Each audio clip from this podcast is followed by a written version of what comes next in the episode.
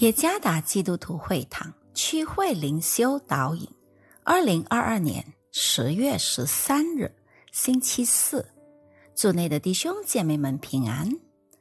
今天的灵修导引，我们将会借着圣经哥林多后书第五章第十七节来思想今天的主题：新心新人。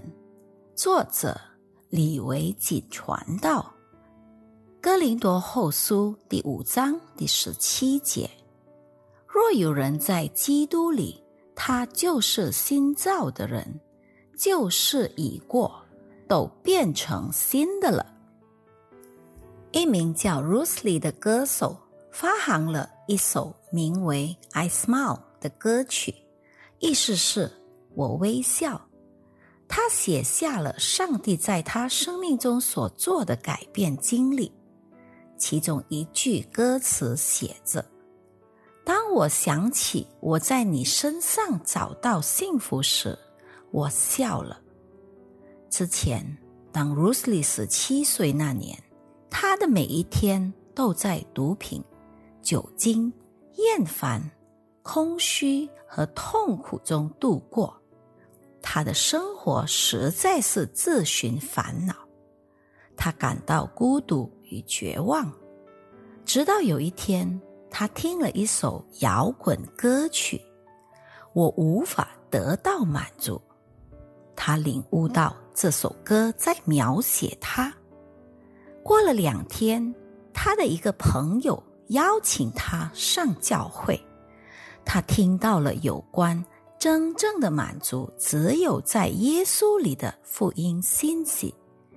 鲁斯利终于。觉志信基督。我们每个人在出生时就都有罪。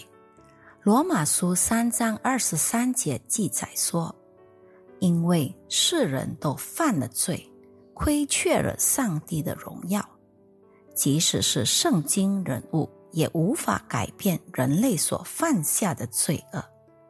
这证明了人类需。”上帝来修复。我们对扫罗这个名字并不陌生。他出生在基利家的大树，他是来自便雅悯支派的犹太人，在加玛列门下受教。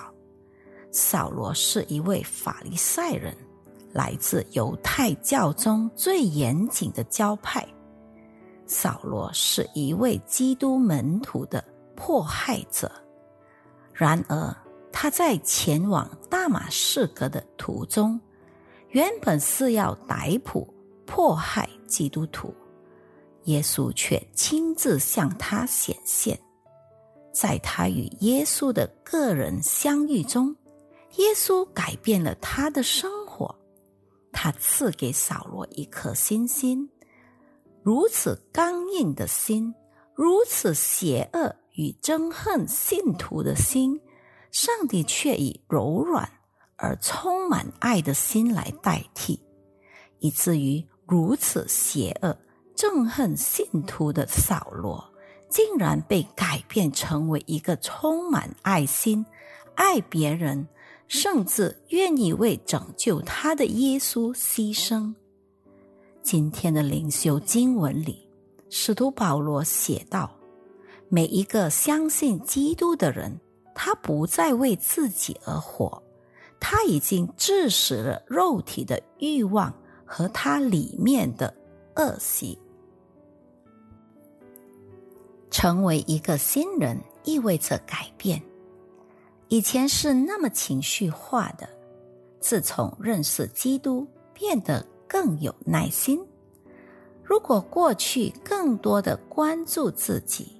现在却更多思考什么是上帝的旨意。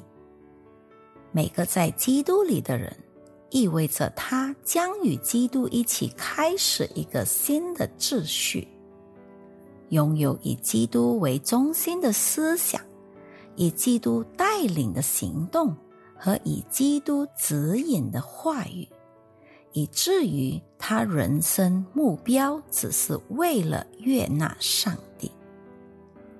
每个曾经与耶稣有过个人相遇的人，都会拥有一颗星星，也会成为一个新人。